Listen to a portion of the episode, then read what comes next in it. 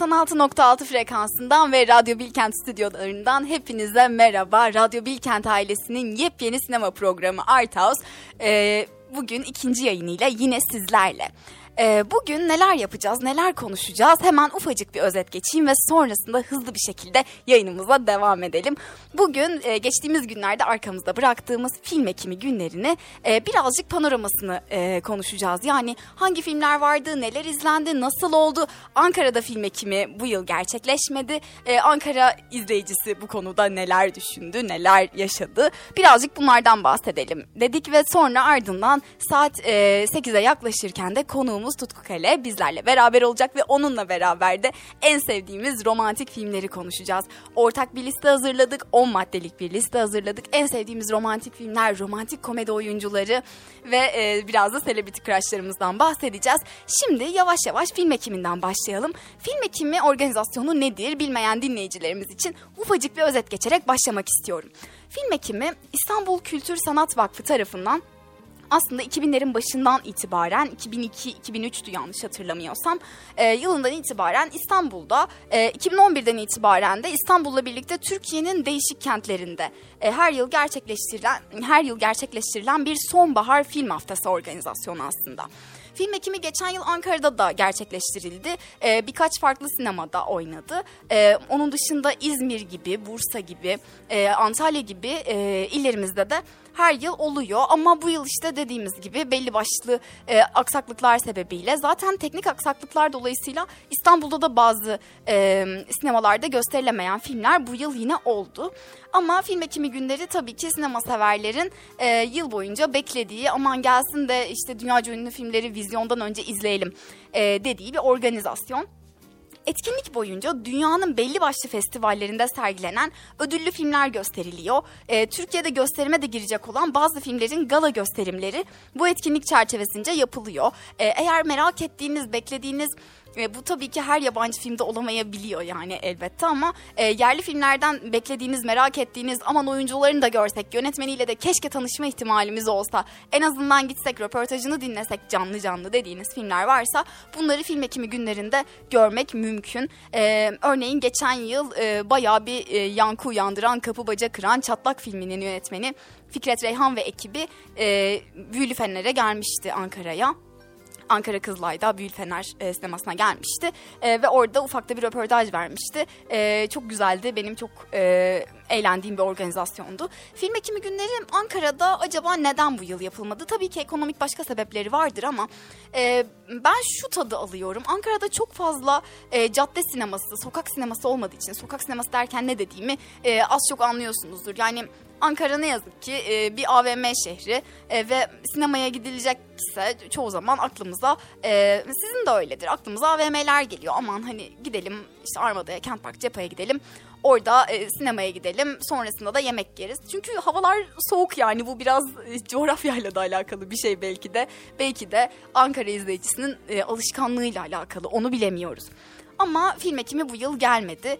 Ee, İstanbul'da bu tabii ki daha farklı. Beyoğlu sineması, Eski Rex, e, Kadıköy sineması bunlar e, cadde üzerindeki sinemalar ve e, İstanbul izleyicisi aslında bu sinemalara günlük hayatlarında da gitmeye epey alışkınlar. Özel gösterimlere gidiyorlar.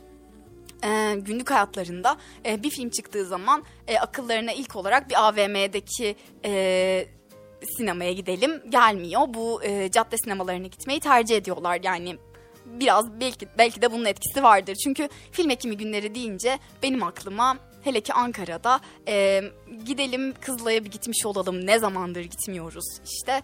E, Kızılay'a gidelim. Büyülü Fener'den film, e, biletimizi alalım. Birazcık yürüyelim. Ankara'nın e, sonbaharı zaten bir başka güzel. Sokaklarda birazcık e, birazcık üşüyerek birazcık da böyle keyifle bir gezinti yapalım. Sonradan da e, filmimize girelim. Belki çıkışta sıcak bir yere oturalım, bir şeyler içelim e, veya e, yemek yiyelim.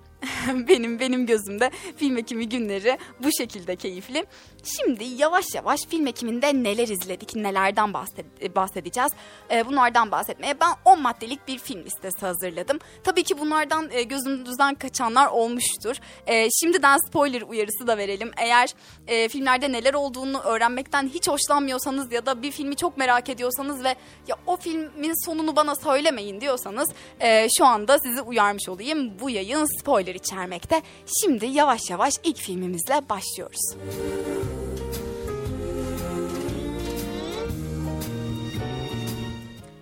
Evet, film ekimi günlerinden aklımızda kalan filmler arasında ilk filmimiz Close. Ee, Klaus, Luca Dont'un ergenliğe adım atmak üzere olan iki erkek çocuğunu takip ettiği bir film. Ee, zaten 75. Cannes Film Festivali'nde jüri büyük e, ödülü olan Claire Denis yani Stars at Noon'la paylaştı bu Claire Denis ödülünü.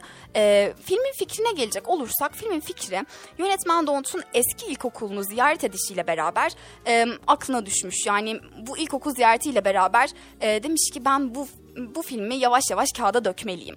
Eee Filmin yönetmeni diyor ki bugün bile hala ilkokul ve ortaokuldaki acı dolu yıllarımla barışamadım. Ben de bu duygular hakkında bir şeyler yazıp o dünyayı kendi bakış açımdan ifade etmek istedim. Kağıda birkaç sözcük, sözcük yazdım. Bunlar arkadaşlık, samimiyet, korku, erkeksilik ve close bunlardan çıktı. E, close aslında birkaç kavrama dökülse bunlardan başka bir şey ifade etmeyecek belki de. E, çok şey anlatan ama e, ana temasına birkaç kavramı, bu kavramları almış bir film. E, filmi biraz açalım, biraz bahsedelim. Nelerden bahsediyor bu film? Kuzey Avrupa'da, Danimarka'da geçiyor.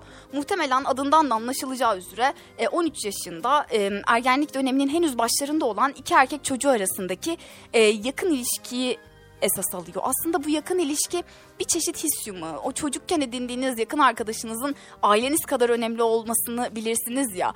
E, mesela yan yana oturmak istersiniz derslerde. Öğretmen sizi ayırdığında dünyanız başınıza yıkılır. Aman ya Rabbi neler oluyor yani. Hani e, nasıl bu bizim başımıza geldi? Bizi nasıl ayırırsınız? Bunun gibi bir aslında yakın, aralarındaki o yakın ilişki, e, aralarındaki o duygu dolu bağı anlatıyor. Leo ve Rami'yi etraflarında etraflarında kurulu böyle yakıcı yıkıcı çocuk dünyasından yayılan bakışlar, sözler, meraklı sorular kendilerine henüz ulaşmadan birbirlerine duydukları sevginin büyüklüğünü e, anlamaya çalıştıkları bir süre boyunca takip ediyoruz. E, onların hayatına, o onların aslında aralarındaki o ilişkiye tanıklık ediyoruz. E, öte yandan filmin ikinci bölümüne geçtiğimizde yaşattığı kayıpla bu bağın değişiminin aslında çocuk bedeninde e, nasıl etkiler yaratabileceğine dair e, daha kalabalık, e, daha ağır duyguları hissettiğimiz oluyor. E, bu alan aslında bazı izleyiciler için çok da keyif vaat etmeyen bir seyir te- tecrübesine dönüşebiliyor. O açıdan da e, Close'un ağır bir film olduğunu e, söylemiş olalım. E, sadece çocukken kavuşulan ilk aşka ve en yakınların yardımıyla o anlam bulan e, yaşama dair e, Lucas Dont'un yakın plan kamerasıyla yarattığı e, bu ortaklık açıkçası oldukça sarsıcı. E, çocukluk arkadaşınızı, ilk aşkınızı e, unutamadıysanız bu film sizin için çok daha e, dramatik bir anlam teşkil edebilir. E, bir düzeyde Close aslında ilk ölümlülük deneyimi veya ilk uzlaşma, size yakın olan birinden ayrılmayı tecrübe edilen ilk an aslında. Öfke, içerleme, içe atma, endişe, ayrılık, suçluluk duygusu bunların hepsini bu kadarcık bir filmde iki küçük çocukla anlatmak e, aslında nasıl büyük bir maharet diyelim bir kez daha. E, benzer şekilde bağlantımı kaybettiğim arkadaşlarıma haraç ödedim. Çünkü onları ihanet etmiş gibi hissettim diyor filmin yönetmeni kendisinin sinema diliyle e, bağ kurup kuramadığınız bir tarafa hani yönetmeni sevip sevmediğiniz önceki işlerine neler yaptığından bağımsız olarak bir tarafa bırakın. Close'un aslında cinsiyet, kimlik e, üzerinden yaptığı o ufacık hikaye anlatımında iki çocuk üzerinden bir kez daha dediğimiz gibi bu kadar büyük ve ağır kavramları nasıl onlara yüklediğini aslında hayatında nasıl böyle bir şey olduğunu bir kez daha izlemiş oluyoruz. Yani sonuç olarak bunlar e, sadece yetişkinliğe ait kavramlar değil.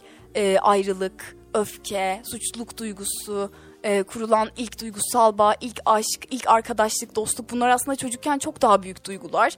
E, hayatınızda ilk kez, ilk kez tecrübe edildiğinde daha e, ağır gelen duygular. O yüzden e, çok daha özel bir iş olduğunu düşünüyorum. Bir yandan da queer ilişkilerin ve hakların e, daha eşit, işlerin daha yolunda olduğunu varsaydığımız e, coğrafyalarda e, ülkelerde dahi varlığını sürdüren o akran zorbalığı. Sadece bu ilişkiler üzerinde de değil, genel olarak bu çağda akran zorbalığı ve e, kendini bir şekilde ifade etme, tanımlama zorunluluğu, e, o yüzleşme önemli bir alan teşkil ediyor. Close üstüne farklı açılardan konuş konuş bitiremeyeceğimiz ve belki de üzerinde çok fazla yazılıp çizilecek, e, üzerinde çok fazla e, tartışmaların döneceği bir film gibi duruyor. Biz film ekimi günlerimizde yer vermek istedik. Şimdi ikinci filmimiz Coupe. 2011'de The Artist'le Oscar kazanan yönetmen Michel Hazanavicius'un son filmi Coupe. Bu yıl e, Cannes Film Festivali'nin zaten açılış filmiydi. E, domino taşı etkisiyle bir saçmalığın bir diğer saçmalığa sonra da sonsuz saçmalıklar silsilesini tetiklediği yapay gözyaşları bolca e, e, bolca gözyaşı, bolca e, kusmuk dolu bir yapım. E, tahammül gücünü yükseklerde tutabilenlere çölde böyle bir vaha gibi e, yüzme havuzu bulmuş bir çocukmuş gibi hissettiren e, aslında bir kahkaha krizi diyebiliriz. E, Coupe kült mertebesine erişmiş bir e, Japon zombi komedisi olan One Cut of the Dead'in yeniden yapımı. E, bu işi ben izlemedim ama hakkında çok fazla yazı okudum. O yüzden izlemiş gibiyim. Eğer siz izlemediyseniz buradan önermiş olalım Coupe ile beraber. Dolayısıyla karakterleri olay örgüsü zombi filmi sevenler için hiç yabancı değil.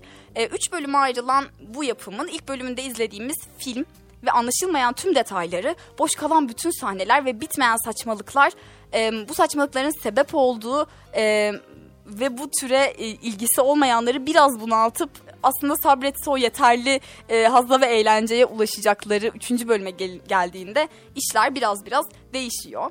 Evet Önce hazırlıkların yapıldığı, arkasından çekimlerin takip edildiği kısımlarda film e, ödünç aldığı, bu sizden sabretmenizi beklediği her dakikayı kahkahalarla ve sonrasında da tabii ki onun sebep olduğu gözyaşlarıyla dolu e, sahneler e, sahnelerle ödüyor. E, aslında işte dediğimiz gibi biraz düşük tempolu bir başlangıç yapıyor e, ama arkasından bu ilk bölümünün arkasından e, o aksiyonuyla, bitmeyen koşuşturmacasıyla, absürtlüğüyle e, ve güzel müzikleriyle beraber modunuzu hemen yükseltip en sonunda filmi kahkahalarla kapatıyorsunuz. E, bu filmi de önermiş olalım dediğimiz gibi zombi filmi sevenlere bu ödüllü filmi e, tanıtmış olalım dedik. Şimdi sırada üçüncü filmimiz var Decision to Live. Güney Koreli sinemacı Park Chan-wook'un romantik bir suç öyküsü. Yönetmen koltuğunda Park Chan-wook oturuyor. 75. Cannes Film Festivali'nde en iyi yönetmen ödülüyle döndü e, The Handmaiden e, sonrasında The Handmaiden'ı belki hatırlarsınız 2016'da çıkmış bir filmdi. İlk uzun metraj olan e, Decision to Leave ya da tercüme başlığıyla Ayrılma Kararı önümüzdeki yılın Oscar'ları arasında uluslararası kategoride Güney Kore'yi temsil edecek olan bir yapım aynı zamanda. Yönetmenin keskin ve yoğun bir üslubu var ve bu üslubu bu filmde de koruyor. Romantik gizem hikayelerine dair klişeleri böyle kendi oyuncaklı yapısıyla, kendi süzgecinden geçirerek birazcık da mizahı e, bir ucundan da mizaha dokunarak, bir ucundan da mizahın e, tutarak e, böyle garip, klişeli, absürt bir hikaye yaratıyor kendi içerisinde. E, yönetmenin 30 yıllık kariyeri süresince e, bunları zaten bu e, üslubunu tarzını çoktan e, kanıtlamış olmasına rağmen e, Park'ın sonu gelmez maharetine ve engin duyarlılığına tekrardan tekrardan hayret kalıyorsunuz. E, yani en azından bu filmle alakalı o kadar da spoiler vermeden yapabileceğimiz yorumlar e, bu şekilde. Doğrusal olmayan bir anlatımı var. Olaylar çok katmanlı e, ve gerçekten bunun iyi bir yönetmen işi olduğunu anlıyorsunuz. Hikayeden çok yönetmenin üslubunu sezdiğiniz bir film Decision to Live. Ee, şimdiden önermiş olalım. Film ekiminde izleyemeyenler için vizyona girdiğinde muhakkak izleyin diyelim. Evet, film ekimi listesinden hazırladığımız filmlerin dördüncüsüne geliyor sıra. Dördüncüde biraz daha aşina olabileceğiniz bir filmden bahsedeceğimi düşünüyorum. Çünkü başrol oyuncusunu e, bir online platformda yayınlanmış ve zamanında pandemide diyelim kapı baca kırmış bir, bir dizi olan, mini dizi olan Queen's Gambit, Gambit'ten tanıyorsunuz. Anya Taylor-Joy. E, kendisi son zamanların e, gerçekten iyi çıkış yapan oyuncularından biri. Ben e, onunla hem yaşıt oluşu hem de çok benzer dönemlerde çıkış yaptıkları için Timothée Chalamet'i çok benzetiyorum. Sanki birbirlerinin kadın ve erkek versiyonları gibi. E, kimden bahsediyorum? Anna Taylor-Joy bir kez daha tekrar etmiş olayım. E, Succession dizisinin yönetmeni Mark Mylod'la yapımcı Adam McKay'ın son filminde prestijli şef ve restoranların yüksek mutfak anlayışı ince ince doğranıyor. E, bu ne demek? Bu bir adından da anlaşılacağı üzere bir menü filmi. Bu bir gastronomik bir film. Filmde genç bir çift yani Anya Taylor-Joy ve Nicholas Hoult son derece şık bir restoranda özel bir yemek için karadan uzak bir adaya gidiyorlar. E, bu restoran m, ayrıcalıklı insanların e, gidebildiği bir, restoran. Dediğimiz gibi karadan uzak bir adada yenilen, e, yemek yenilen bir restoran. Fazlasıyla gösterişli dekore edilmiş ve meşhur bir şefleri var. Meşhur şef kim? Aslında meşhur da bir oyuncu. Ralph Fiennes. Ralph Fiennes'i diğer işlerinden tanımayanlar varsa e, böyle en bilindik işlerinden bahsedecek olursak e, onu ya ben tabii ki e, The Hotel Budapest'ten yani Budapest'te Grand Budapest Oteli'nden e, biliyorum. Çok da seviyorum kendisini ve Sanderson'ın e, çok e, severek çalıştığı oyunculardan bir tanesi. Ama siz Harry Potter'ın Lord Voldemort olarak da biliyor olabilirsiniz. Tabii ki o makyajı, o kostümleri olmadığında e, tanır mısınız kendisini bilemem. Ben e, başta tanıyamamıştım. Aa o, o muymuş ya Lord Voldemort muymuş bu e, demiştim. Ama e, evet o kendisi bu dizide, bu filmimizde de oynuyor. E, gayet özel bir tadım menüsü hazırlayan meşhur bir şefi canlandırıyor Fiennes. E, ne var ki bu menüde bir tuhaflık var. Menüde değil daha doğrusu bu restoranda bir tuhaflık var. Çalışanlar biraz sert ve yemeklerde sıra dışı bir takım malzemeler kullanılıyor.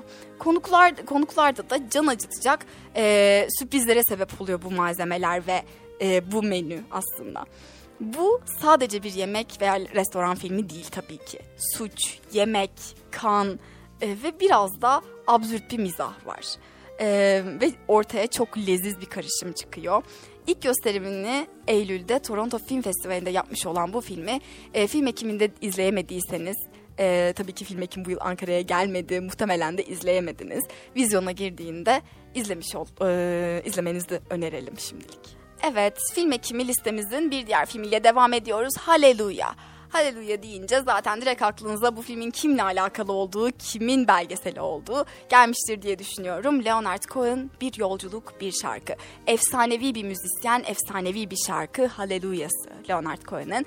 E, defalarca coverlandı, birçok sanatçıdan ayrı ayrı dinledik. Ama onunki gibi var mıydı? İşte onu size bırakalım. Bu filmi dünyaca tanınan, sevilen, söylenen Haleluya'nın merceğinden şair, şarkıcı, müzisyen Leonard Cohen'in bir portresini çiziyor bu filmle. Daha önce görülmemiş nadir arşiv, belge ve görüntülerden e, faydalanan yönetmenleri e, Kanadalı sanatçının kariyerinin ana hatlarını 7 yılda yazımını tamamladığı ve 80'lerde plak şirketini reddettiği Hallelujah üzerinden adlandırıyor. E, Hallelujah Leonard Cohen için yani onun imzasını taşıyan bir şarkı aslında. Dediğimiz gibi birçok kez coverlandı. E, Cohen'in ne kadar dillere pelesenk olmuş birçok şarkısı da varsa Haleluya deyince onu onun adı geçtiğinde de Haleluya'yı hatırlıyoruz. Ee, benim en sevdiğim şarkısı değil. Ben Famous Blue Raincoat'un bir aşığıyım. Benim hayatımda da çok önemli bir yeri var. Ama birçoğunuz için önemli olduğunu düşünüyorum, biliyorum. Ee, içten içe diyelim. Ee, film üç yaratıcı eksende ilerliyor aslında sanatçı ve dönemi, şarkının dramatik yolculuğu ve Haleluya'nın e, aslında çıktığı o dönemden bahsediyor. E, onay dönemini aldığı ve işte o reddedilme dönemi ar- arkasından onay dönemi ve büyük yankılar uyandırdığı bu dönemler. E, film tabii ki müthiş bir müzik ziyafeti sunuyor sizlere. Eğer... E, aşina değilseniz haberiniz bile yoksa vizyona girmesini bekleyin diyelim ve Haleluya'yı size önermiş olalım. Evet film ekimi listemizin bir diğer filmine geçiyorum. Bu beni en heyecanlandıran filmlerden bir tanesi. E, Cannes Film Festivali'nde gösterildi. Ayvalık Film Festivali'nde bizim e, festivallerimizden bir tanesinde gösterildi. Ve özellikle çok beğenildi. Türkiye'de çok beğenildi. Neden bilmiyorum. E, henüz izleme şansım olmadı After Sun'ı. E, ama zaten başrolünde tanıdık bir isim var. Kendisini e, Paul Mescal'den bahsediyorum. Kendisini Normal People'dan belki hatırlarsınız. E, oradaki performansı da e, gerçekten göz kamaştırıcıydı. E, Daisy Edgar Jones'la beraber çok güzel, çok sıcak e, bir aşk hikayesini bize anlatmışlardı. E, 2020'lerde geçen bir aşk hikayesi nasıl olur derseniz Normal People'da görebilirdik hakikaten. Minik bir e, mini diziydi, bir minik bir aşk hikayesini anlatıyordu. Her ne kadar fazlaca hızlı ilerlese de bir uzun metraj bir filmin e, farklı kesitlerini izliyormuş gibi hissetsek de aslında e, bu bir mini diziydi. E, Normal People'ı hatırladıktan sonra After Sun'ımıza geri dönelim bu film hakkında ne yazmak okuyanı benim kadar heyecanlandırır diye aslında e, düşünüp durdum. Hani bu yayının içeriğini hazırlarken ne söylemek gerekir yani beni ne heyecanlandırır diye düşündüm durdum ve tıpkı kendisi kadar kişisel bir yerden e, böyle günlüğümle konuşur gibi günlüğüme yazar gibi anlatmaya karar verdim. E, düşündüm dedim ki ya işte aslında ben bu filmi izlemedim ama bu film hakkında neler anlatıldı? Ee, insanlar seyrettikten sonra neler söylediler? Ee, bunları düşününce aslında e, filmi seyretmişim gibi bir duyguya kapıldım. Anlatılanlar e, gerçekten beni buraya götürdü ve e, inanın insanlardan da duyduğunuz anlat, anlatılanları dinlediğinizden e, dinledikten sonra e, aklınıza oluşacak şey şu. Sinema iyi ki var. İyi ki böyle leziz, zevkli işler e, beyaz perdede göre, görebiliyoruz, izleyebiliyoruz. Paul Mescal ve e, bir çocuk oyuncuyla çalışıyor Paul Mescal ve bir baba kız öyküsünü izliyoruz biz After Sun'da. E, bir çocuk oyuncu nasıl bu kadar iyi oynayabilir diyorsunuz ekranda gördüğünüzde. Çünkü e, onun için hayat şu an oyun, gerçek, gerçeklik algısı ne kadar bunu bilemiyoruz ama inanılmaz güzel oynuyor. O baba kız ilişkisinin o kadar e, iyi işlenmiş olduğunu duyuyoruz ki filmle alakalı e, After Sun'ı e, önermiş olalım. Gidin, izleyin ve bakalım siz neler düşüneceksiniz bu film hakkında. Bu baba kız ilişkisi size e, geçecek mi? Siz aynı hisleri hissedebilecek misiniz? E, müthiş bir finalinin olduğunu biliyoruz ve e, izleyenlerin salondan çıkarken gözyaşlarına hakim olamadıklarını biliyoruz. E, After Sun bu film ekimi günlerinin belki de en can alıcı, en e, imza atan filmlerinden bir tanesiydi. E, şiddetle önermiş olalım. Biz de listemize aldık. Şimdi ufacık bir şarkı arasına gideceğiz. Döndüğümüzde film ekimi listesinden, film ekim panoramamıza devam edeceğiz ve listemizi sizlerle paylaşmaya devam edeceğiz. E, listemizin birazcık ilerleyen kısımlarında yerli bir iş de var. Bir e, Türk filmi de var. E, onunla devam edeceğiz ve ardından e, yayınımızın ikinci yarısında en sevdiğimiz romantik filmleri konuşacağız konuğumuzla beraber. E, şimdilik ufacık bir şarkı arasına gidelim. Döndüğümüzde devam edeceğiz.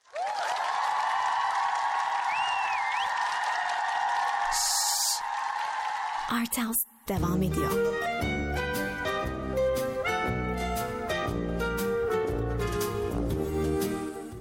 96.6 frekansından ve Radyo Bilkent stüdyolarından yeniden hepinize merhaba. Radyoyu yeni açmış dinleyicilerimiz için de Art House devam ediyor diyelim.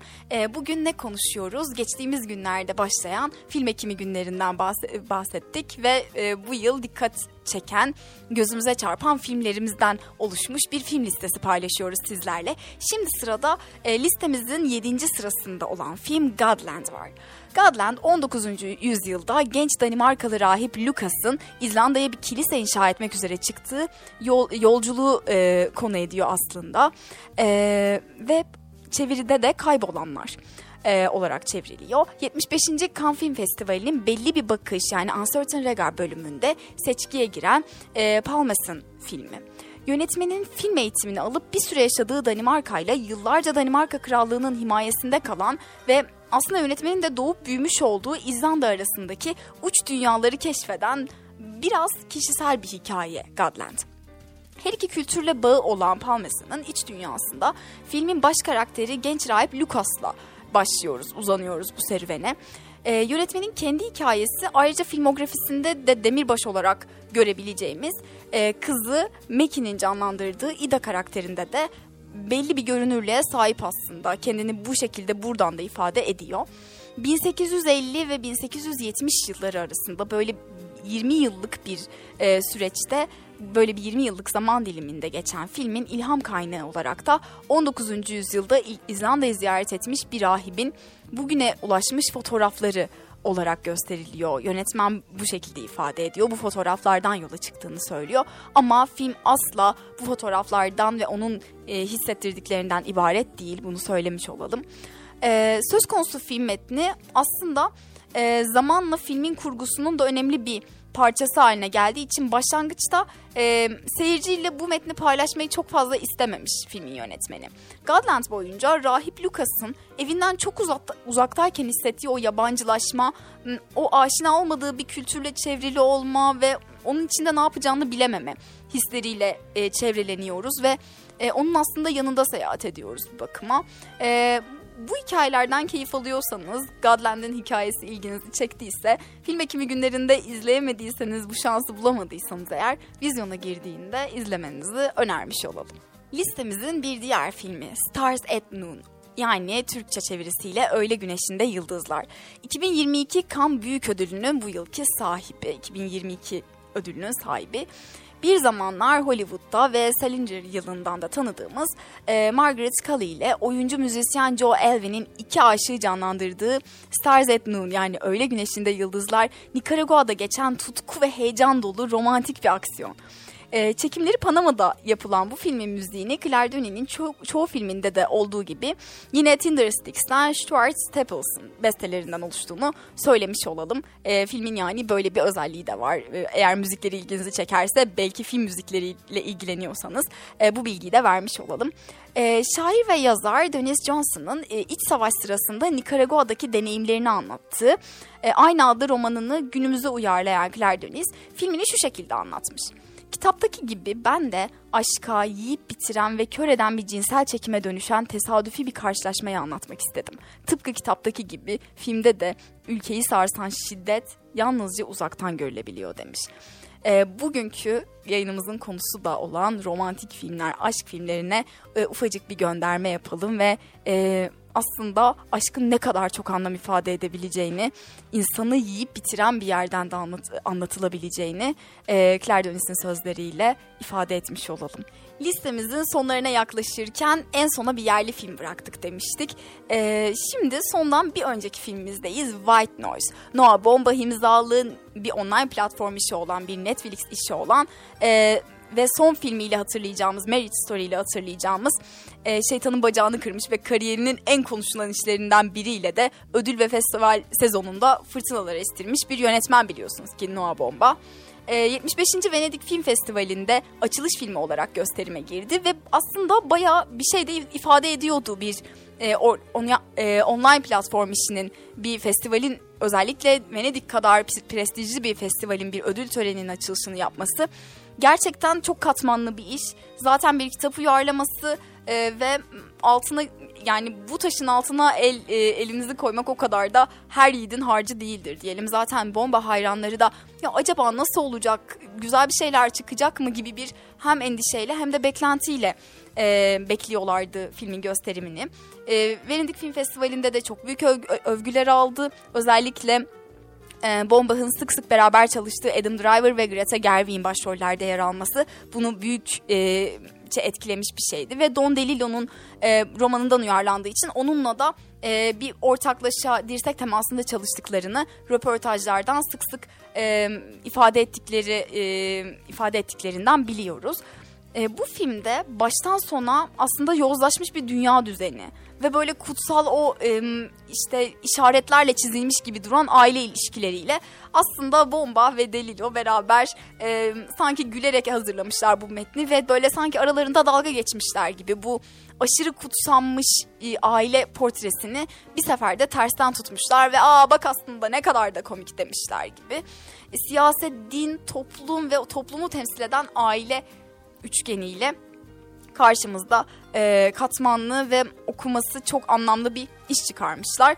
E, tercih edenlerin kitabı, kitabını da öneriyoruz. Kitabının da çok güzel olduğunu duyduk. Ben henüz okumadım ama White Noise'u büyük bir e, övgüyle size önerebilirim. E, lütfen fırsat bulduğunuzda gidin, bilet alın veya bir yerlerden erişin, izleyin bu filmi. Gerçekten şahane bir seyir zevki olacaktır.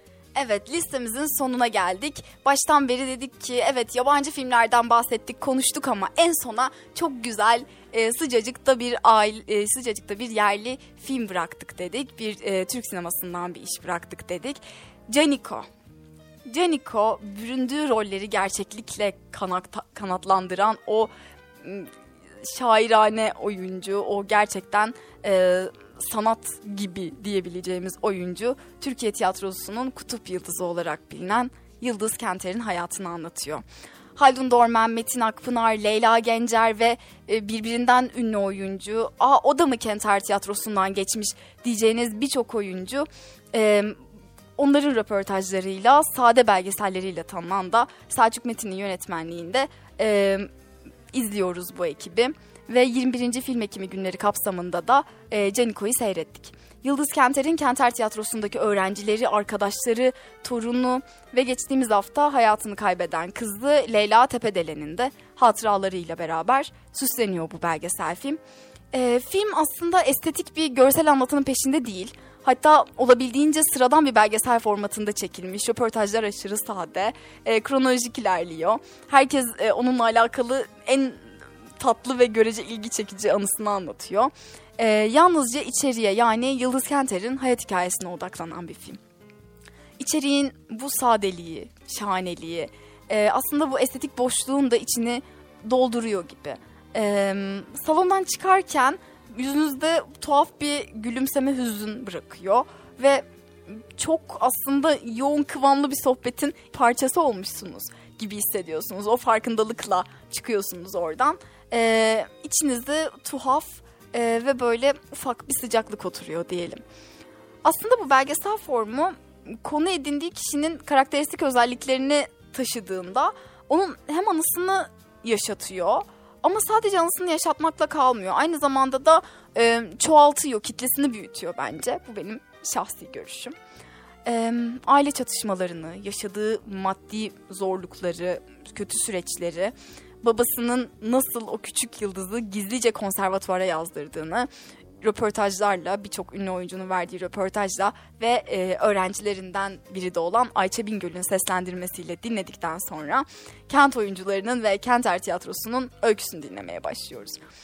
E, Yıldız Kenter'in hayatından bahsetmek bilmiyorum şu anda e, radyolarının başında beni dinleyen sizler ne düşünürsünüz? Yıldız Kenter'e aşina mısınız? Hangi işlerini izlediniz? Tiyatroda izleme şansınız oldu mu?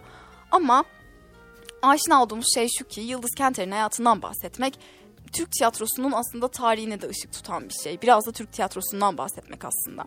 Kendisi kocaman bir yıldız gibi ulaşılmaz olmayı tercih etmemiş. Her öğrencisine mutlaka dokunmak istemiş, mutlaka temas etmek istemiş ve ışıltısından serpiştirmiş. Yıldız Kenter'in hayatına girenlerin ne kadar caniko oldukları değişebilir.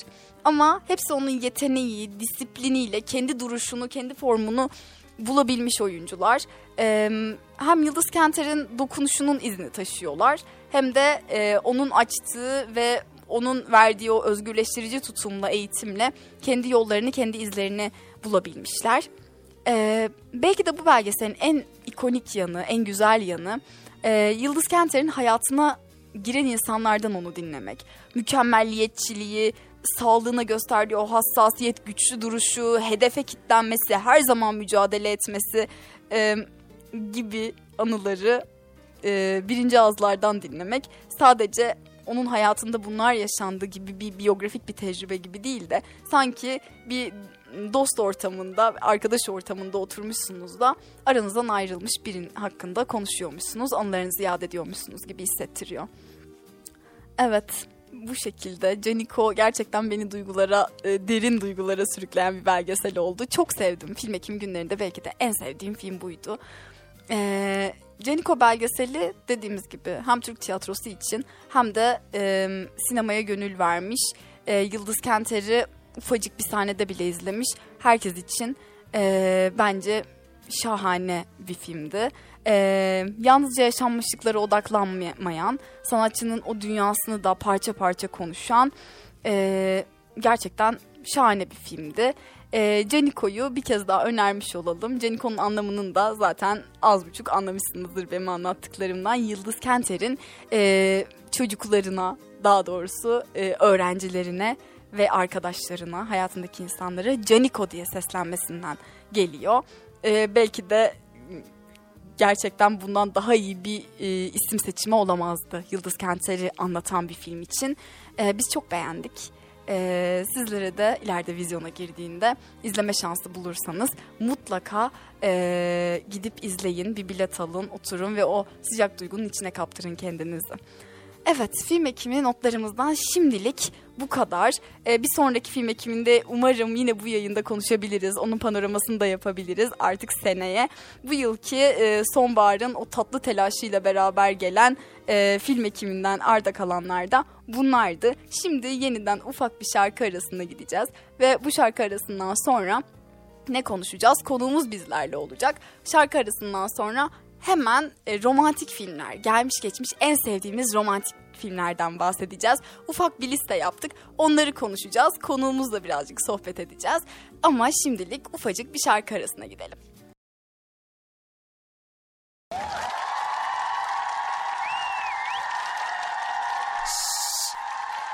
Arthouse devam ediyor.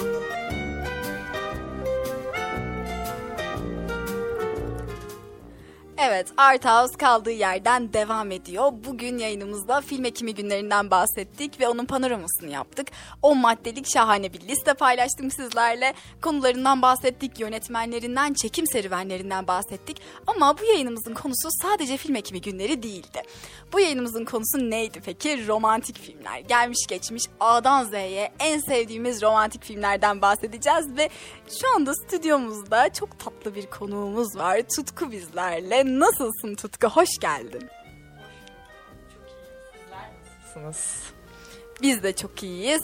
Ee, şimdilik e, sadece böyle romantik filmlerden bahsedeceğiz ama sohbetimiz onunla da kalmayacak. Nelerden bahsedeceğiz? Bu romantik filmlerde kendimizi özdeşleştirdiğimiz karakterler var mı? Nasıl oluyor? Nasıl filmler bunlar? Biraz da onlardan konuşacağız. Ee, nasıl hissediyorsun şu anda bu stüdyoda konuk koltuğunda oturmak sana nasıl hissettiriyor? Öncelikle Tutku'yu şöyle tanıtmak istiyorum. Tutku Radyo Bilkent ailesinin bir üyesi aynı zamanda. Ee, ve burada bizimle beraber çalışıyor. E, şimdi de konuk olarak burada ilk defa. E, bu yayın aslında senin için biraz anlamlı değil mi öyle? Evet, evet böyle. E, radyoya şu sıralar hiç böyle yayın konu olarak geleceğimi düşünmezdim. Benim için de bir sürpriz oldu. Ama güzel geçeceğini düşünüyorum. Çok da... Doğru bir konu mu sence? Kesinlikle doğru. Bu konuda söz hakkım olduğunu düşünüyorum çünkü. Evet aşkla alakalı, romantik ilişkilerle Kesinlikle. alakalı yorum yapabilecek arkadaşlarımızdan bir tanesin hakikaten de. Bizde peki anlatacak mısın bu filmlerden bahsederken herhangi bir anı paylaşmayı düşünüyor musun bizimle? Tabii ki kararında, kararında dozunda, yerinde. neden olmasın. Biz tutkuyla yaklaşık 10 maddelik bir liste hazırladık. Ee, bunu sıralı paylaşmayacağız ama öncelikle şunu söyleyelim. Bu liste bizim kendi kişisel listemiz değil mi Tutku? Aynen öyle. Yani, Biz özellikle seçtik. Özellikle özene seçtik. seçtik. Ee, Zaten şey de demiyoruz ya bunlar en iyi gelmiş geçmiş en iyi romantik filmlerdir gibi de bir iddiamız yok. Asla yok. Çünkü bu filmlerin içerisinde gerçekten e, sadece bizler için özel olduğunu düşünebileceğimiz filmler de var. Asla bir iddiamız yok. E, tabii ki spoiler uyar, uyarımızı da geçelim. Çünkü bu filmlerden, bu filmlerin sahnelerinden de detaylıca bahsedeceğiz e, diye düşünüyorum. Karakterlerinden ve hayatımızda belki de e, benzettiğimiz kişiler var mı bu karakterleri? Bunlardan da bahsedeceğiz. Birkaç tanesinde ben bu listeyi yaparken aa evet bak bundan da bahsederiz diye düşünmüştüm. E, bunlardan bir tanesi de romantik komediydi. Hadi hemen bir spoiler verelim ve onunla başlayalım. Ee, evet romantik komedi. Ne düşünüyorsun romantik komedi hakkında? Romantik komedi e, bence her genç kızın hayatında olan arkadaş gruplarında kendini bulduğu filmlerden bir tanesi. Bizim de keza öyle. Değil mi? Gerçekten her neredeyse benim gördüğüm e, bütün kız arkadaş gruplarında ya da kalabalık arkadaş gruplarında bu filmdeki karakterlerden birer tane var. Kesinlikle. Hani bir tane daha otoriter, daha kendi hayatına odaklı e, bir kariyer kadını tırnak içinde Evet. var. Bir tane hayatı bir türlü e, Düzene yolun- girmeyen. yolun düzene girmeyen, sürekli hatalarından pişmanlık duyan, sürekli hareketlerini sorgulayan, yazık diyebileceğimiz bir karakter Çok var. yazık. Bunu anlat anlatırken bu kadar acı çekmem normal değil. Ee, bir de gerçekten deli dolu, önünü arkasını kestirmeden düşünen, e, hayatında öyle öyle bir dinamikte yaşayan bir karakter var. Hepimizin Sayın hayatında Didem. var mı? Didem. Sayın Didem. İnanılmaz biri ya. Gerçekten o ikonik e, bar sahnesi, Kesinlikle. bar masasının üzerine çıkıp de deli gibi dans ettiği ve ya aman ya ben artık istemiyorum sevgili falan dediği, dans ettiği, kendini kaybettiği o sahne aslında görüyoruz ki o stratejilerle listesini yapan Didem'in Didem'in listesi hakkında ne düşünüyorsun? Çok mantıklı değil mi sence de? Ee, Didem'de aslında kendimi bulduğum birkaç özelliğinden bir tanesi. Sen bir yerde Didem'sindir hakikaten. Ben ben zaten eğer bu üçlüden biri olacaksam kesinlikle Didem'im. Ee, kendimi özdeşleştirdiğim çok şey var. Tüm yanıtları kitaplarda araması olsun. e, Gezegenlerin konumunda araması olsun. Evet. Asla enerjisini bozmuyor o da bak Evet, mesela. evet. sevgili dinleyenler. e, tutku bir aslında bir yerde de manifest bakanıdır. asla e, asla enerjisini bozmaz. Asla Kesinlikle. e, asla olumsuz negatif senaryoları e, diline almaz. E, Görmezden gelir. Hemen iptal eder onları hemen.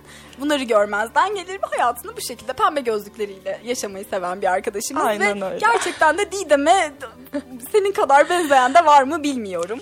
Hiçbir Benim birkaç yok. arkadaşım da daha burada şu anda bu yayını dinliyorlar. Kendilerini e, bilirler diye düşünüyorum. Birkaç arkadaşım daha benim çok Didem. E, evet ne yapalım böyle. Yapacak bir şey Sen yok. kendini bu üçlüden hangisiyle daha çok özdeşleştiriyorsun mesela? Cevabını bildiğin sorular soruyorsun yine. Duymak Ben- istiyorum. Ben Sedef Avcı'nın oynadığı Esra karakterine ne yazık ki o başta da anlatırken acı çektiğim e, Esra'ya biraz daha fazla benziyorum. En azından bu üçlü içerisinde. Her üçlü kız grubumda da nasılsa Esra'yım ben. Gerçekten öyle. Öylesin. Gerçekten Ee, öylesin. Yani onun onun kadar e, duygusal bir yerde drama queen, bir yerde e, aa bu da neden benim başıma geldi diye İki kendini yakası bir araya İki gelme. yakası bir araya gelmeyen. Evet e, o, o, o kadının yapabileceğim bir şey yok. E, ama en en uzak olduğum hangisi diye sorarsan aslında Didem'le e, öbür daha otoriter olan arkadaşı. O çok fazla filmin içinde olmadığı için adını da tam olarak hatırlayamıyorum ama ona biraz daha eşit mesafede gibiyim. Bazen biraz daha öyleyim. Bazen biraz daha Didem gibiyim. Ama çok Esra olduğumu söyleyebilirim hakikaten. Evet yani kariyer ve ciddiyet konusunda diğer adını unuttuğum Unuttuğumuz. karakterle Evet. daha çok eşleşiyor olabilirsin ama benim mesela seni sentezleyip çıkartabiliyoruz ya orada. Evet. Benim öyle bir seçeneğim de yok. Yok hayır. Ya ben çok salt bir Didem olduğumu düşünüyorum. Bu yüzden keşke biraz güzel özelliklerden ben de alabilseydim ama Didem kadar hayal Didem kadar evet. Didem kadar strateji yapamıyorsun bak mesela. Keşke o özelliğini alabilseydim. Taktik Bilmeyenler kasmayı çok isterdim.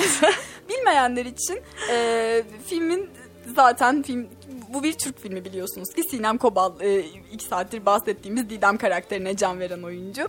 E, çok da güzel oynuyor hakikaten. Kesinlikle. Ee, bu filmde beraber yaşayan iki kız arkadaşın e, aslında aşk hayatını konu alıyor ve Didem karakteri kendisine hayatında aradığı insanın bir listesini yapıyor ve e, doğru stratejiyle hedefe uğraşmaya, doğru strateji hedef sloganı bu tamamen.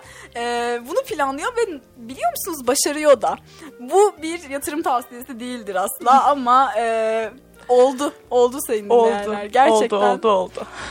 Başaracağız. Başardık. Aynen öyle. Tamam romantik komediye bu kadar vakit ayırdığımız Bence yeter. de. Şimdi ikinci filme geçelim. Sen anons et ikinci filmimizi. Hangi filmden bahsedelim şimdi? İkinci filmimiz İstanbul Kırmızısı olsun.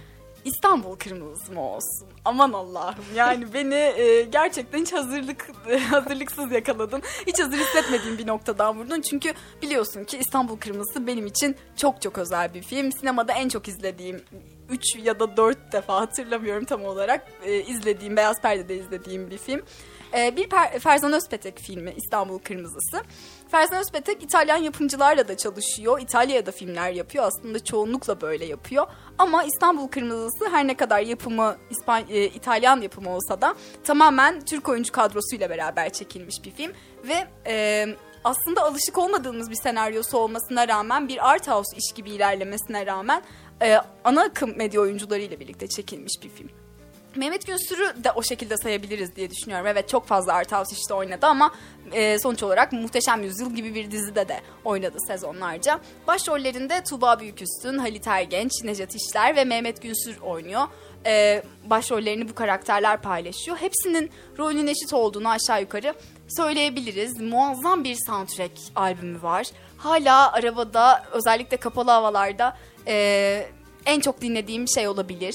Be, bilmiyorum 2021 mi 2020 yılı ikisinden birinde tutku benim e, Spotify listemde en çok dinlediğim şarkılardan biri bu enstrümental listeden bir sadece bir soundtrack'ti iki buçuk dakikalık aynı e, melodinin döndüğü bir Başa soundtrack'ti sara sara. sara sara dinlediğim o albümdü İstanbul Kırmızısı ne anlatıyor? İstanbul Kırmızısı aslında Ferzan Özpetek'in e, her ne kadar dile getirmemiş de olsa otobiyografik bir filmi. E, İstanbul'da geçen hem İstanbul'la hem birbirleriyle e, farklı farklı aşklar yaşayan bazıları yarım bazıları tamamlanmış aşklar yaşayan e, bir aşk hikayesi. Her karakterin travmasını, derdini film ilerledikçe onunla beraber anlıyoruz. E, Neval karakterinin benim hayatımda çok önemli bir yeri var. Neval inanılmaz kendi halinde ama bu kendi halindelik dikkat çekici olmayan bir yerden de değil. Ee, aslında çok dikkat çekici, çok özgüvenli ama hayatını hep kendi üzerine kurmuş bir karakter. Çok az konuşuyor, çok az bağ kuruyor Ee, ama m, bir o kadar da kurduğu bağlar sağlam. Ee, soğuk, mesafeli, kendi e, özeline saygı bekleyen böyle biri Neval e, benim çok uzak olduğum bir karakter ama genel olarak e, bu insanlara böyle bir ilgi duyuyorum. E, merak ediyorum hikayelerini, hayatlarını. Onun dışında Mehmet Günsür'ün o e, veda sahnesinden önceki Boğaz'da vapurda giderken sadece kendi monoloğundan oluşan bir sahne var. Yani sadece o sahneyi bile kaç kez defalarca açıp izlemişimdir bilmiyorum. Beni inanılmaz ağlatan bir film. Sadece bir kadın erkek ilişkisi, bir aşk ilişkisini anlatmıyor. Birçok şeyi anlatıyor. Ee, daha ne kadar övebilirim bilmiyorum ama İstanbul Kırmızısı... Sen de yeri bambaşka. ben de yeri bambaşka gerçekten İstanbul Kırmızısı'nın. Ee, izlemeyen varsa İstanbul Kırmızısı'nı önermiş olalım. 2018 yapım bir film. Ee, çok da az yankı uyandırdı. Yani çok fazla bileni seveni yok. Şöyle bir detay vereyim İstanbul Kırmızısı ile alakalı tutku. Ee, biliyor musun Gaye Su Akyol bu kadar da ünlü değilken İstanbul Kırmızısı'nın bir sahnesinde oynadı ve o şarkısıyla ünlendi diyebiliriz aslında. Kırmızı Rüyalar diye bir şarkısı var. Gaye Su Akyol'un en aslında aa bunu o mu söylüyormuş diyeceğimiz şarkılardan biri. Ee, eğer dinlememiş olanlar varsa da açıp dinlesin. Gerçekten çok iyi bir şarkı. Ee, ve onunla beraber ünlendi, tanındı. Böyle de bir yeri var. Hani ilgi çekici olabileceğini düşündüğüm böyle de bir bilgi vermiş olayım. Ve ikinci filmimizi bu şekilde kapatalım. Şimdi hangi filmle devam ediyoruz biliyor musun? Bu film sana geliyor. Lütfen. Deli Bal'la devam ediyoruz. Deli Bal. İşte o film. işte o film. Anlat bakalım ya. Deli Bal'ın önemi ne bu kadar senin için? Deli Bal e, benim için neden bu kadar önemli? Evet ben de bilmiyorum. Bunu arkadaşlarıma söylediğimde işte çok seviyorum dediğimde aldığım iki tepki var. Ya o film ne? Ya da neyini bu kadar seviyorsun? Hikaye bana çok dokunuyor diyebilirim belki. Ee, Başrolümüzde belki birazcık kendimi buluyor olabilirim. Başrolünde. Ee, Çağatay Ulusoy değil. Bipolar asla değil. bir an düşündüm. Çünkü başrolü Çağatay Ulusoy'un olduğu için hani dedim ki "Hmm, tamam şu an kendimi güvende hissetmeli miyim acaba? Ne yapmalıyım şu an? yok yok. Ee, genel olarak hani aşk hikayeleri, e, birbirlerine olan tutkuları, çocuğun bir şekilde kızı korkutmamak adına açılmaması ve kızın da bazı şeyleri görmezden gelmesi ya da görememesi Yani- Görmezden gelmesi diyelim mi ona? Çok çok talihsiz Aşkın bir gözü aşk kör müdür hikayesi. Tutku? Öyle Aşkın mi? gözü gerçekten de Bipolarlığı kördür. da görmez. e, Bu, bu şekilde hiçbir kusuru da görmez mi diyorsun? Kusurları örter mi mesela aşk senin için? Anlat bakalım biraz. Aşk benim için kusurları örtmez. Kusurlar, kusurlarla birlikte sevmektir aslında aşk benim için. İnanılmaz bir yorum. Ben buna diyecek hiçbir şey bulamıyorum şu anda. Kesinlikle. Üstüne ekleyecek bir yorumum yok. Kusurlarla beraber sevmektir diyorsun. Peki böyle ciddi bir hastalık e, senin için beraber e, tamamlanabilecek, beraber halledilebilecek bir kusur mu? Bu çünkü şey gibi değil ya. Birazcık kıskanç olmak işte. Ya da birazcık bencil olmak gibi bir şey değil ya. Ya şöyle hani bu şekilde bir hastalık aslında iletişim halinde olunsa bipolarlıktan bahsediyorum. Şizofreniden falan değil mesela. Hani Tabii yanında tedavisi olma. olan hastalıklar. İns- İnsanlar hayatını bu şekilde geçiren çok fazla Evet. insan var ama partner olarak böyle biriyle devam etmek senin için mesela nasıl hissettirirdi? Kendini madem başrol karaktere e, bu kadar benzetiyorsun, empati kuruyorsun. Sanki sen biraz şeysin ya bu konuda. Sabırlı ve hoşgörülü olabilirmişsin gibi hissediyorum ben. Evet ben de yani zor zamanlarda yanında olmak, izin verdiği kadarıyla yanında olmak aslında benim yapabileceğim bir şey. Çünkü ben birazcık da hep dikkat ederim. Hep böyle nasıl söylesem bunu? Caring bir insanımdır. Evet, daha şefkatli. Şefkatli tabii ki. Bu yüzden böyle konularda hep aslında karşımdaki insanın yanında olmayı tercih ederim. Bu konuda biraz uyuşmuyoruz aslında ana karakterle. Çünkü o Evet. kendi hayatıyla çok meşgul ve bir şekilde bazı şeyleri görmüyor aslında. Partnerinin hayatının yani Barış'ın hayatının nasıl olduğuyla ilgili en ufak bir fikir yok. Sürekli kendi hayatıyla meşgul. Bu sence onun bencilliğiyle mi alakalı yoksa sağlıklı normal bir insan hayatına devam ediyor gibi mi döngü mü? Yani bu sence bir talihsizlik mi? Ee, Barış'la alakalı, Barış'ın kendi şanssızlığı mı yoksa yok ya bu kız gerçekten bencil bir kızdı mı diyorsun mesela. Ben Deli Balı o kadar net hatırlamıyorum çünkü sana soruları sana doğru yönlendirmeye çalışıyorum o yüzden. Şöyle e, kızın hayat düzeni bu şekilde. Yani babası bu şekilde büyütmüş onu. Sürekli kendi geleceğini düşünmesiyle, sürekli planlamalarla büyütülmüş bir kız. Bu yüzden aslında bencillik de değil bu. Kız sadece hayatının iki kişi olmasına alışmış bir kız değil belki de. Hani yani bu sıkıntı var birazcık. Bencillik demeyelim buna. Sadece talihsizlik diyelim. Çünkü eminim mesela kızın haberi olsa Füsun diyelim. Evet. Füsun'un Barış'ın problemlerinden haberi olsa, Barış bunu Füsun'u korkutmamak adına söylememiş mesela o filmde. Eğer daha farklı bir yol izleseydi Barış, benim böyle böyle problemlerim var, yanımda ol deseydi, Deseydi. Füsun'un kesinlikle yanında olacağına eminim. Ama o sırada kendi hayatıyla çok meşguldü. Barış zaten korkutmamak adına uzaklaştı ondan. Ve böylece talihsiz bir sonla karşılaştık biz aslında. Evet, Sezen Aksu'nun e, şahane şarkısıyla e, Kesinlikle. ünlenmiş bir filmdi. O zamanları hatırlıyorum. Mutlu Sonsuz Olsundu değil mi? Aynen. Çağatay Ulusoy söylüyordu. Çok güzel bir şarkıydı.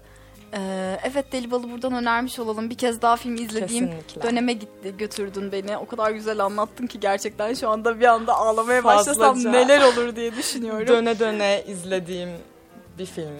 gerçekten de güzel bir e, filmdi. Güzel bir e, yani aşk filmleri arasında Türkiye'de yapılmış aşk filmleri arasında dikkat e, çeken Kesinlikle. filmlerden bir tanesiydi. Kesinlikle. Çok Talihsiz güzeldi. bir aşk öyküsü. Talihsizdi. Evet. Mutlu son olmasın, mutlu sonsuz olsun. Sonsuz Öyle oldu. mi? Yapacak Aynen öyle. Ağlarmış. tamam o zaman daha fazla duygusallaşmadan bir sonraki filmimizle devam edelim. Bir sonraki filmimiz çok yani gelmiş geçmiş en ünlü aşk filmi belki de. Titanic diyelim mi? Titanic diyelim. Diyelim. Titanic evet yani izlemeyen var mıdır bilmiyorum. Şu anda radyoların başında bizi dinleyen dinleyicilerimizden Titanic'i hiç izlememiş olan varsa lütfen hemen bu yayını falan kapatın hemen gidin evde Titanic'i izleyin. Yoktur bende zaten. Yoktur değil mi? yeni yeni jenerasyon izlemiş midir ama Titanic'i? Televizyonda falan karşısına çıkmamışsa gerçi artık kimse televizyonda izlemiyor ama izlemişler midir? Ne diyorsun? Mutlaka. Mutlaka. Herkes bir gün Titanic izlemiş Kesinlikle. midir? Evet bence de bence de öyle. Titanic gerçekten eee, çok mutsuz tatlı e, kısa zamanda geçen bir gemide geçen mükemmel bir aşk öyküsüydü. Ee, Gerçekten sen birkaç sever güne. misin DiCaprio? DiCaprio şöyle. Şu an hayır. Eskiden Gençliğinde mi? Gençliğini çok severdim. Genç ve yakışıklıyken ve çıtırken mi seviyordun? Kesinlikle yaşıyla alakalı olduğunu düşünmüyorum ama karizmasıyla alakalı olduğunu düşünüyorum. Yani şu an onun yaşındaki oyuncularda sevdiğim klasmanda bir oyuncu değil. Titanic zamanlarında çok iyiydi. Ee, Evet Gençlik aslında. zamanlarındaki filmleri efsane zaten. Titanic aslında. DiCaprio'nun filmografisinde ne kadar böyle garip farklı bir yerde duruyor değil mi? Yani sonuç olarak hani Zindan Adası'nda da oynadı Kesinlikle. bu adam. Inception'da da oynadı. Hani mesela Nolan filmleri deyince akla geliyor ama bir yandan bir yerde de Titanic, Titanic. var. Mesela hani hani birileri demedin mi acaba DiCaprio'ya? Ya hani sen bu Titanic yaptın bunu hani ve yanına Nasıl bir şey yap bari hani. Gerçi Romeo Juliet'te de oynadı DiCaprio. Evet, o da çok Gençlik, güzeldi. gençlik yıllarına e, demek ki aşkı adamış bir beyefendi diyebilir miyiz kendisi için? Kesinlikle zaten bence aşk filmlerinden sonra bir anda genç kızların sevgilisi haline geldiğini düşünüyorum Evet ben. gerçekten öyle. Genç kızların Onun sevgilisi olduğu bir dönem var. tarafını gördüğümüz zaman. Evet. 80-90 furyasının büyük aşkı ya DiCaprio'muz. Kesinlikle. Ve özellikle de Titanic'teki rolüyle kalpleri fethetmişti. Sen peki böyle bir aşk yaşamak ister miydin? Sonu böyle bile bit- bitse bile. Sonunun böyle biteceğini biliyorsam eğer Bu riski göze alır mısın mesela? hayır. Sırf o aşkı yaşamak için. Hayır değil mi? Yani sonu sonu biliyorsam eğer de buna çok kısa kalkışmam. sürüyor be tutku. Gerçekten Sonunu de çok kısa sürüyor. de bu arada. O kapıya iki kişi sığardı. Öyle mi diyorsun? Böyle bir tartışma var. O kapıya iki kişi sığabilirdi. Ama Nasıl ya? ama böyle bitti. Yapacak bir şey yok. Biraz deneseydiniz yani ne olacak ki? Aynen en azından tekrar tırmanırdım düşerseniz. Ama değiştiremedik sonunu. O da hüzünlü bir aşk hikayesi evet. Sonunun böyle biteceğini bile bile yaşamazdım ama bu kadar kısa sürede de böyle bir aşk yaşar mıydım? Yaşardım. Sanki böyle mutsuz sonda biten aşk hikayeleri daha mı çekici geliyor bize? Yarım o yarım kalmış e, his aşkın tadını daha mı çok veriyor? Sence biraz da bunun hakkında konuşalım. Sence aşk yarım kaldığında mı kıymetli bir şey? Ne diyorsun? Bence kıymetini arttırıyor evet. Çünkü bence aşk zor olmadan o kadar da çekici bir şey haline gelmiyor. Çok kolay olduğunda çok kolay kaybediliyor bence.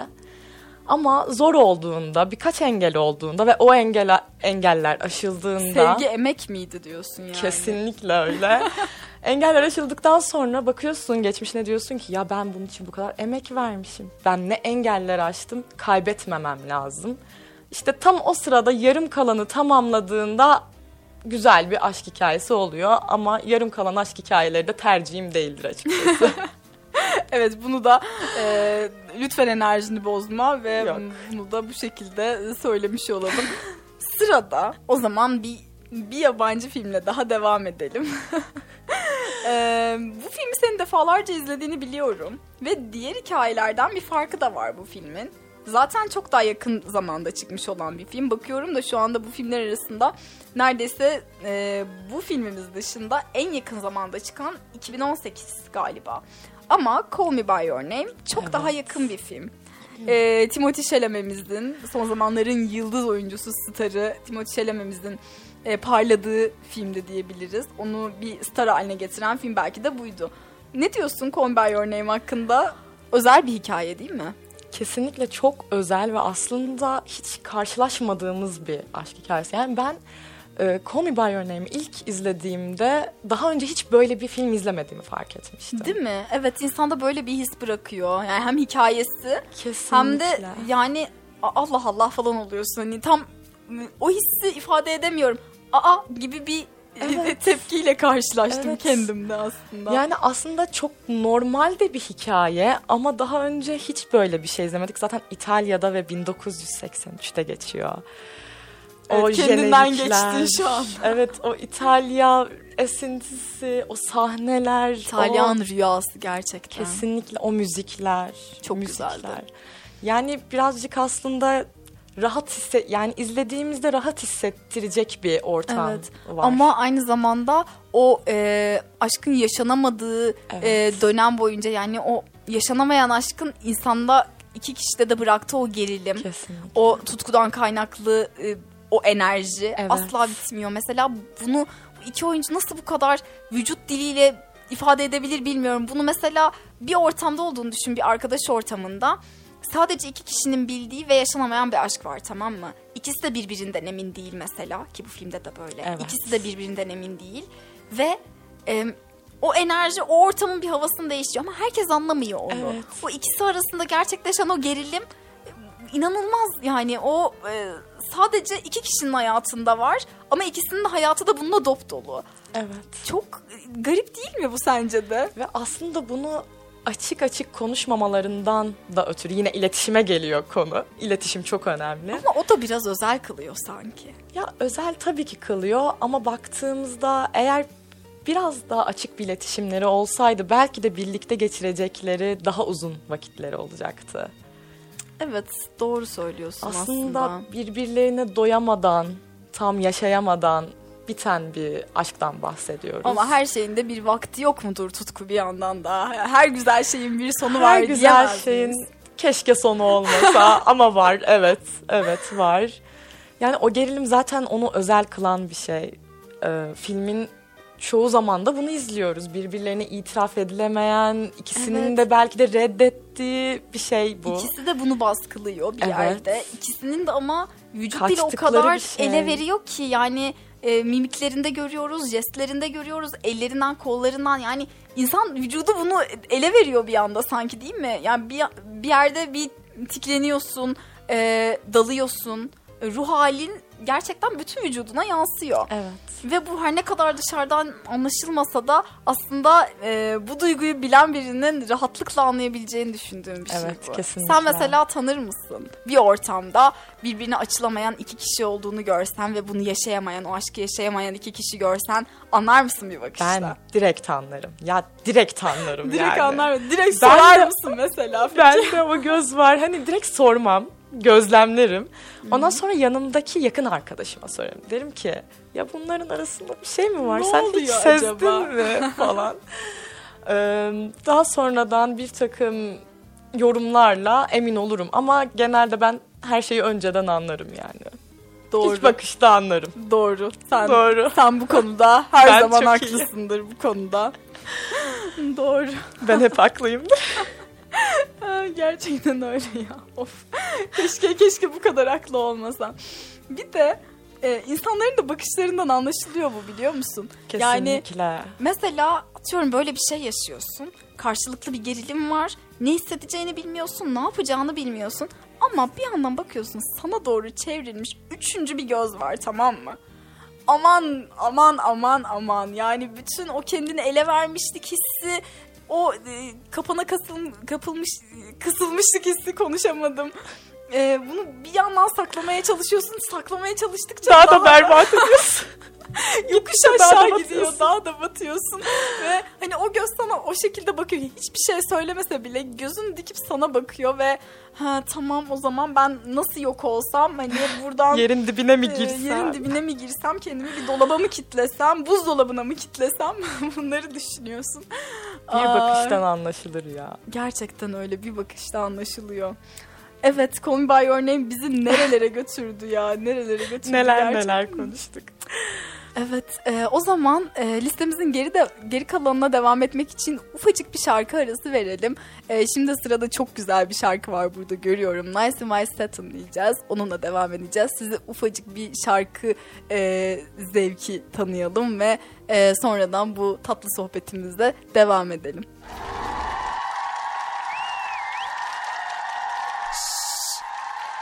Art House devam ediyor. Evet sevgili dinleyenler Art House kaldığı yerden devam ediyor. Yayınımızın sonlarına doğru yaklaşırken bugün romantik filmler konuşuyoruz. En sevdiğimiz romantik filmler aşk filmleri. Ee, konuğum Tutku benimle beraber ve listemizde e, tam gazla devam ediyoruz aslında. Neler konuştuk? Deli Bal'dan bahsettik. Bahsettik. Call Me By Your Name dedik. Romantik komediden bahsettik. İstanbul Kırmızısı, Titanic bunların hepsinden bahsettik. Şimdi hangi filmle devam ediyoruz Tutku? Aşk tesadüfleri sever. Bir ve iki. Daha çok bir. İkisi de dahil ama bu sevdaya değil İkisi mi? de kesinlikle dahil. Ben ikinciye çok önyargılıydım. Hatta çok yakın zamanda izledim ikincisini. Ya fragmanında ya tamam aynı tadı alamayacağız demek ki falan gibi oldu. Ama sonradan filmi izlediğimde aa gerçekten de ilk filme benziyormuş ya gibi bir hisse kapıldım. Bağladılar zaten onu. Değil mi? Bağlamaları bende daha büyük bir şok etkisi yaratmıştı. Ve aslında okulumuzda çekildi. Bir evet takım doğru doğru sahneleri. aynen. Bir, bir- bazıları değil mi Bilkent'in e, MSSF'de mi çekilmişti? MSSF'de çekildi. İktisat Binası- idari orada, binasının evet. orada çekildi. Ve o zamanki arkadaşlarıma yalvarmıştım. Ne olur sete gidelim, ne olur görelim diye. Ee, Kimse beni götürmedi. Gerçekten ağlayacağım şimdi. 2018'in yazı mıydı? Sanki öyleydi. Evet. Bizim hazırlığımızın Evet. yazı gibiydi. Çünkü ben duyuyordum bir yerlerden. O zamanlar hazırlık hengamesiyle uğraşıyordum bir yandan ama ya işte Bilkent'e gelmiş biliyor musunuz? Yaz okulundakiler gitmişler, Evet. sete bakmışlar falan diye. Zaten çok kısa sahnelerdi gerçi ama Çok kısaydı. yine de filmin genelinde böyle o sahneyi ufacık görünce sadece orası da değil. Film iki filmde Ankara filmi olduğu için Ankara'nın çeşitli yerlerinde görüp arkadaki kafeyi tanıyorsun. Orada oturulan yeri bir yere benzetiyorsun. Aa burası bizim okul mu ya falan diyorsun. Aa şurası da şuranın karşısıymış. Karşısıymış diyorsun. Mesela o e, ikinci filmdeki ya ilk filmde çok daha fazla zaten İlk de. film. İkinci filmde e, çocuğun işlettiği bir meyhane tarzı bir yer vardı hatırlıyor Evet. musun? Yiğit Kiralcı'nın oynadığı Evet. karakter. O meyhane Orası kapatıldı sonradan. orası kapatıldı ama oranın arkasında bir dövmeci var. Evet. O dövmeciyi filmi izlediğim anda tanıdım. Çünkü orası bizim aslında o kadar çok gittiğimiz bir yer ki. Evet. Ya o dövmecinin oradaki karşısındaki kafeler, o bestekarın alt sokağı gerçekten daha tanıdık bir yer olamaz herhalde Ankara ile alakalı. Orayı görünce ayrı bir e, güzel hissediyor Hala- insan bilmiyorum. Hala oralardan geçerken ay burada da bu çekilmişti, burada da bu çekilmişti tarzı. Ankara'ya gelenlere falan da ben söylüyorum. Evet. Bir Önünden geçtiğimiz zaman falan böyle hiç bilmeyen biri varsa diyorum ki "Ha, biliyor musun aşk tesadüfleri sever burada bu sahnesi çekildi. Bak hatırlarsın Bizim okulda da çekildi. İşte aşina sahnesi bak burası. Hatırlıyor musun? Kızın Özellikle oyunu vardı. Birinci, birinci filmin yeri bambaşka. Yani o Gazi Mahallesi'nde geçen Evet. o eski, eski, Ankara. Çankaya, eski Ankara. Daha geçenlerde izledim ben tekrar bu arada. Gerçekten mi? Bana Evet. söylemeden inanamıyorum. Çok Evet, adımdı.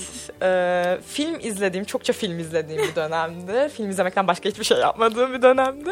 Doğru evet. Ee, seçimlerimden biri de buydu ve yani her zaman beni tatmin ediyor. Hiçbir zaman izlediğimde "Üf, zaman kaybı dediğim bir film değil. Belki 10 kez izledim ama böyle. Bir de aslında filmde ne olacağını bazı filmler öyle ya başta ne olacağını merakla bekliyorsun izliyorsun ondan sonra aslında filmin sonunu öğrendikten sonra çok bir anlamı kalmıyor. İkinci izleyişinde sıkılıyorsun. Aşk Tesadüfleri Sever öyle değil. Çünkü o diyaloglar o kadar hoşuna gidiyor ki açıp özellikle o sahneleri izlemek istiyorsun mesela. O balıkçı sahnesi mesela. Evet. Rakı balık yaptıkları o sahne çok Ya sıcak da- hissettiriyor. Birbirlerini tekrar hatırlayıp yeniden birbirlerinin hayatına girdikleri sahne. Kızı yukarı taşırken, Taşırken. birden nefes nefese kalması, arkada Evet. çalan demir demir kan. Gerçekten harika bir kombinasyon ya. Mesela kas seçimi de hani kimin aklına geldiyse e, bin yaşasın. Harika, Belçin Bilgin ve harika. Mehmet Gülsür'ü partner yapmak nasıl güzel bir fikir o öyle. İkisi de bir de böyle çok naif duru insanlar ya sesleri böyle sıcacık. Hani çok yumuşak bir aşk hikayesi o Evet, aslında. evet. Her izlediğimde de farklı bir detay fark ediyorum aslında. Bunu muhtemelen sen daha önce fark etmişsindir ama kızın e, şu şunu dediği bir nokta var. Hani ben aslında kordonun boynuma dolanmış ve ölecektim. Evet. As- yani ölmememin bir sebebi var. Bu yüzden her doğum günümde bunu düşünüyorum. Benim yaşamamın bir sebebi var dedikten sonra araba kazasıyla e, doğarken Evet, evet, araba evet. kazasıyla ölüyor ve o kalp aslında sevdiği insana kalp oluyor. Beraber dünyaya gelip aslında dünyadan giderken Evet. de yerini ona bırakıyor gibi. Kesinlikle. Annemlerle izlemiştim ben bunu ilk izlediğimde. Çok küçüktüm. Annem Evet, ve annemin kız arkadaşlarıyla aslında, izlemiştik. Bir arkadaşının yaptığı bir yorum vardı ve asla aklımdan çıkmıyor küçüklüğümden beri. Ee, şimdi kız kalbini de ona verdi. O kalple başkasını da sevemez ki artık. Bu nasıl bir yorum? Nasıl bir yorum bu? Tüylerim diken diken oldu şu anda. Ne diyeceğimi hiç bilmiyorum. Asla aklımdan çıkmıyor. Her izlediğimde bunu düşünüyorum. O kalple bir daha başkasını nasıl sevecek? Sevemez. Muhtemelen sevemez Olmaz. evet ama hayatta bir şekilde devam, Devam ediyor. ediyor, Büyük kesinlikle. aşklardan sonra gelen başka aşklar da vardır Küçük yani. aşklar. Küçük aşklar da var. Küçük aşklar demeyelim ona ne diyelim bilmiyorum ama. Farklı aşklar. Hani o kadar da gerek gerekir mi ya hani? İnsan hayatına giren herkese aşık olmak durumunda mı sence ne diyorsun?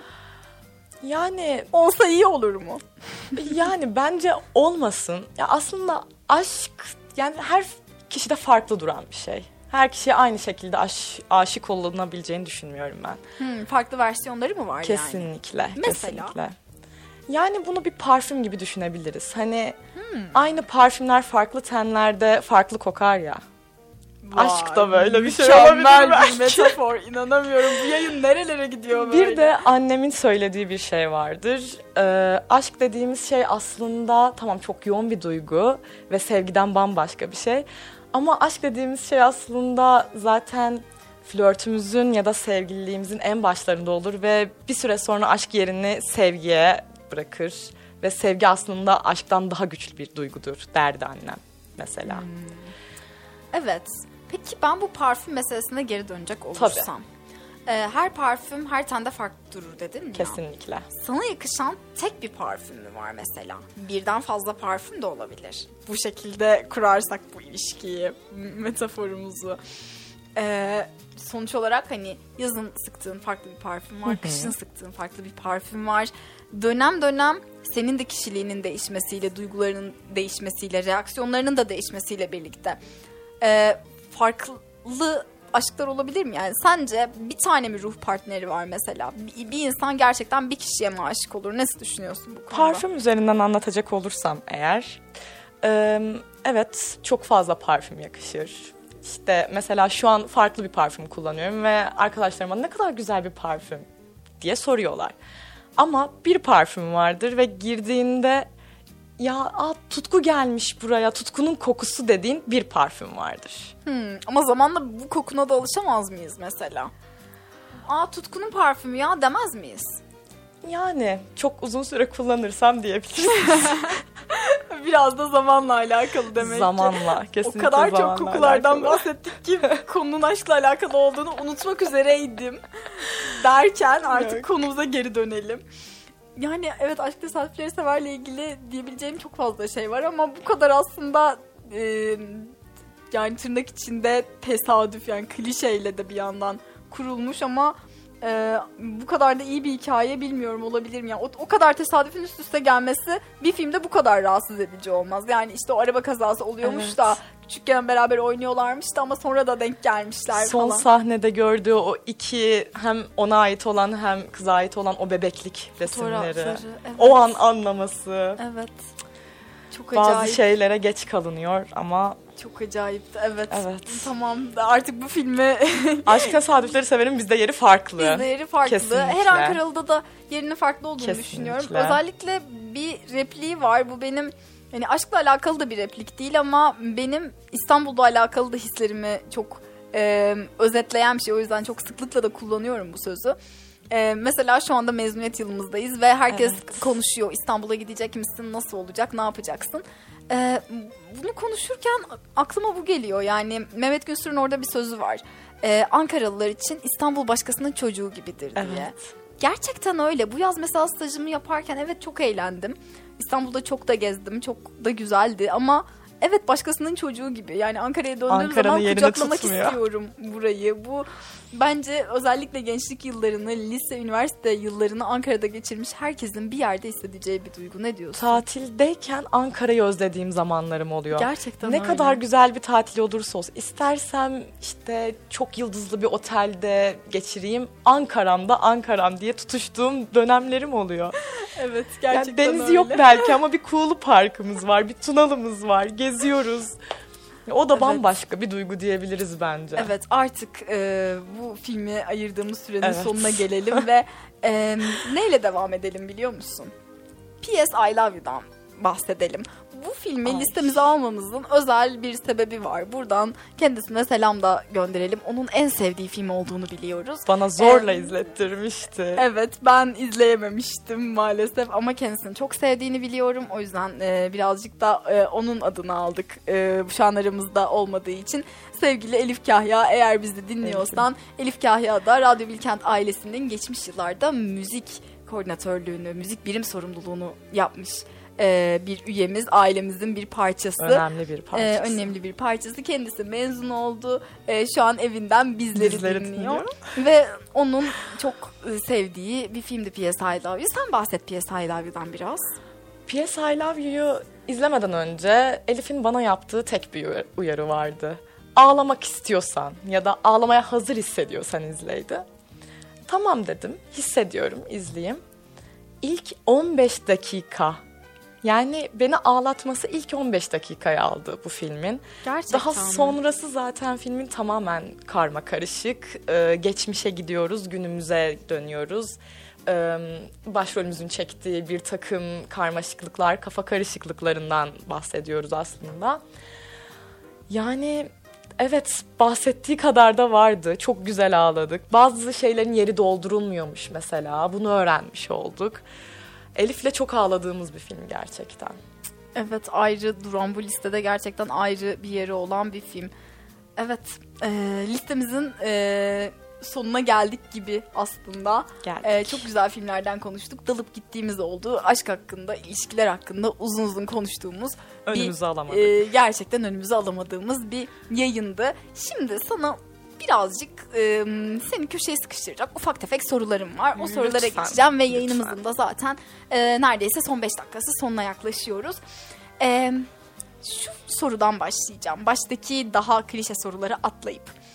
Senin çok sevdiğin, aşık olduğun Ay. ve böyle gerçekten ne çekse izlerim ya dediğin Ay. bir celebrity crush'ın var mı? Bir kadın veya erkek oyuncu kim olabilir, kim olursa bu artık.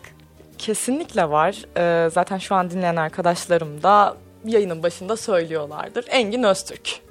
Evet, evet Engin ben de Öztürk. ben de biliyorum senin bu Engin Öztürk sevdanı gerçekten Kesinlikle. de evet. Ne çekse izlerim. Zamanında Sarı Selim gibi bir karakteri bile bana sevdirebilmiş biri. Engin Öztürk'ün yeri bende bambaşka gerçekten. Çok Evet. farklı. Evet gerçekten çok Eğer bir oyuncu. bizi dinliyorsa ona olan e, sevgimi tekrar söylemek isterim. Onu gerçekten Evet. çok seviyorum. Tutkunun celebrity crush'ı gerçekten de Engin Öztürk. Başarılarının devamını Devamlı. diliyorum. Evet ya şöyle güzel bir film yapsa da izlesek diyelim. Ve öbür sorumuza geçelim. Kendini bir film evreninde hayal et tamam mı? Kendi böyle bir film evreninin içinde hayal et. Bu nasıl bir film olurdu? Ben muhtemelen daha çok hani dönem filmi evrelerine tercih ederdim. Hmm. Mesela Anna Karenina olabilir. Pride and Prejudice, Aşk ve Gurur olabilir. Evet böyle kocaman kıyafetler, Çok balolar değil mi? güzel. Abartılı saçlar. Kesinlikle. Gerçekten ben de seviyorum o olurdu. dönemleri.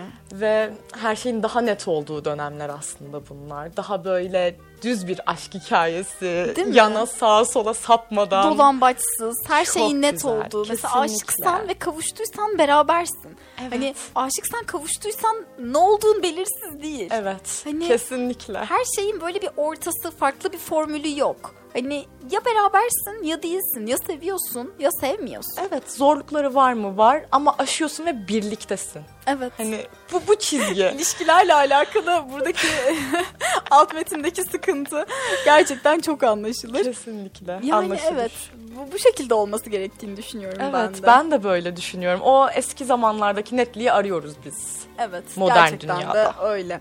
Peki anlatsan film olur derler ya. Sen anlatsan hayatın nasıl bir film olurdu Tutku?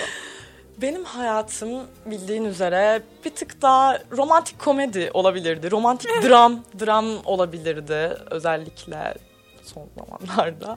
Absürt bir komedi olabilir Absürt miydi? bir komedi kesinlikle bir olabilirdi. absürt komedi baş karakteri olsan olurdun aslında. Evet, e, zaten arkadaşlarım da benim e, komik olduğumu düşünürler. Kendimden Evet. komik olduğumu Önceki düşünürler. yayınımızda da e, sevgili Emre ile seni bayağı andık Evet, aslında. evet, Feyyaz Yiğit benzetmesiyle seni anmıştık. doğru, doğru evet. Absürt bir komedi olsa ama böyle seni kendi hayatında çekecekler. Kendin göz Yani hayatında evet. gözlemleyecekler Dram seni. olsa bile bir şekilde ben güldüğüm için ona ve ondan Evet. hani Chandler Bing e, tarzında sarkastik komediler yaratabildiğim için aslında komedi diyebilirdim. Romantik dram, evet. romantik komedi. Daha baskın benim hayatımda. Peki kendine bir film evreninden bir partner seçeceksin, bir sevgili seçeceksin. Bu hangi karakter olurdu? Biraz düşüneyim. Çok fazla zamanım da yok. Hemen seçiyorum. Yine Pride and Prejudice dedik. Netlik dedik. Mr. Darcy mi diyorsun? Kesinlikle. Ama çok zor bir adam değil mi sence de Mr. Darcy? Aslında yani edebiyatında sinema evreninde böyle en arzu nesnesi adamlarından bir Evet. tanesi o. Yani o adam hakikaten. kararsız, e, istediklerinden kaçabilen, arzularından kaçan bir adam aslında. Evet. Ne istediğini Ama bir anda da aşka bilen. yenik düşmüş biri. Kesinlikle. Bir anda da bilmek lazım zaten. Aşka yenik düşmeyi ve aşkla beraber yolunu çizmeyi bilmek lazım. Ee, Evet, bu yüzden Mr. Darcy diyebilirim. Kararsızlıklarına, kaçışlarına rağmen bir şekilde yolunu buldu. Tebrik ediyorum. Buradan onu. Gerçekten güzel bir e, güzel bir kapanış oldu. Evet. Güzel bir mesaj verdin. Evet. Her şeye rağmen Her e, şeye rağmen. yolunu bulmalı dedik. Kesinlikle. Ee, çok teşekkür ederim bu yayında benimle beraber olduğun için. Gerçekten aşk filmleri bu kadar güzel konuşulabilirdi. Daldık gittik, yeri geldi güldük, yeri geldi ağlamakla olduk. Ee, ve yayınımızın sonuna geldik. İyi ki geldin. Çok teşekkür ederim. İyi ki buradayım. Çok keyifli bir yayındı. Aşk filminin iki bakanı olarak. Ya ben bu konuda benim bir iddiam yok ama Benim e, vardı. Seni Aşk Bakanı olarak da anons etmiş olalım. E, çok keyifli bir yayındı. Bugün film ekimi panoraması yaptık ve Tutku ile beraber romantik filmlerden bahsettik. Aşk filmlerinden bahsettik. Sizinle güzel filmler paylaşmaya çalıştık. Art House bu haftalık sona erdi. Haftaya aynı gününde aynı saatinde yeniden buluşmak üzere. Hoşçakalın.